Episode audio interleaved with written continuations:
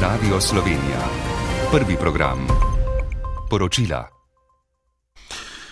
Skupni stroški dela so lani poskočili za skoraj desetino, ugotavlja statistični urad. Za zaposlene in samozaposlene so znašali skoraj 2500 evrov mesečno. Najbolj so se stroški dela za zaposlene zvišali v proizvodni pijač, dejavnosti potovalnih agencij, športa in gostinstva. Znižali so se samo v proizvodni računalnikov, elektronskih in optičnih izdelkov. Med preučevanimi dejavniki, ki vplivajo na razlike v stroških dela, ima največji vpliv raven dosežene izobrazbe. Papež Frančišek je v pogovoru za španski dnevnik ABC povedal, da je že leta 2013 podpisal odstopno izjavo za primer, da bi bil iz zdravstvenih ali drugih razlogov nesposoben opravljati službo. Frančišek je v pogovoru napovedal tudi, da bo na čelo enega od dikasterijev imenoval žensko, češ da ni nobene ovire za to, da bi ženska vodila dikasterij, ki ga lahko vodi laik. Ruski obramni minister Sergej Šojgo je obiskal položaje ruske vojske v Ukrajini in se jim zahvalil za vzorno izpolnjevanje dolžnosti.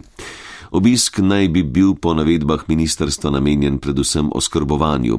Ukrajinske oblasti medtem obnavljajo skrbo z elektriko in vodo, pa tudi ogrevalne sisteme, potem ko je zadnji ruski val raketnih napadov močno poškodoval kritično infrastrukturo.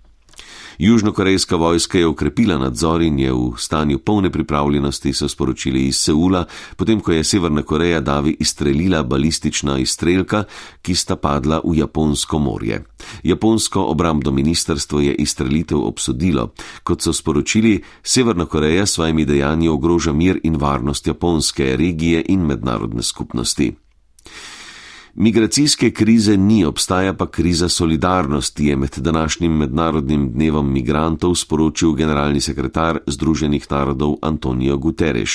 Pri tem je povdaril, da več kot 80 odstotkov migrantov po svetu prečka meje na varen in urejen način, medtem pa v nereguliranih migracijah na nevarnih poteh mnogi umrejo.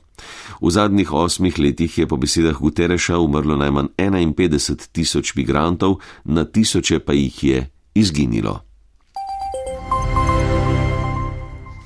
Po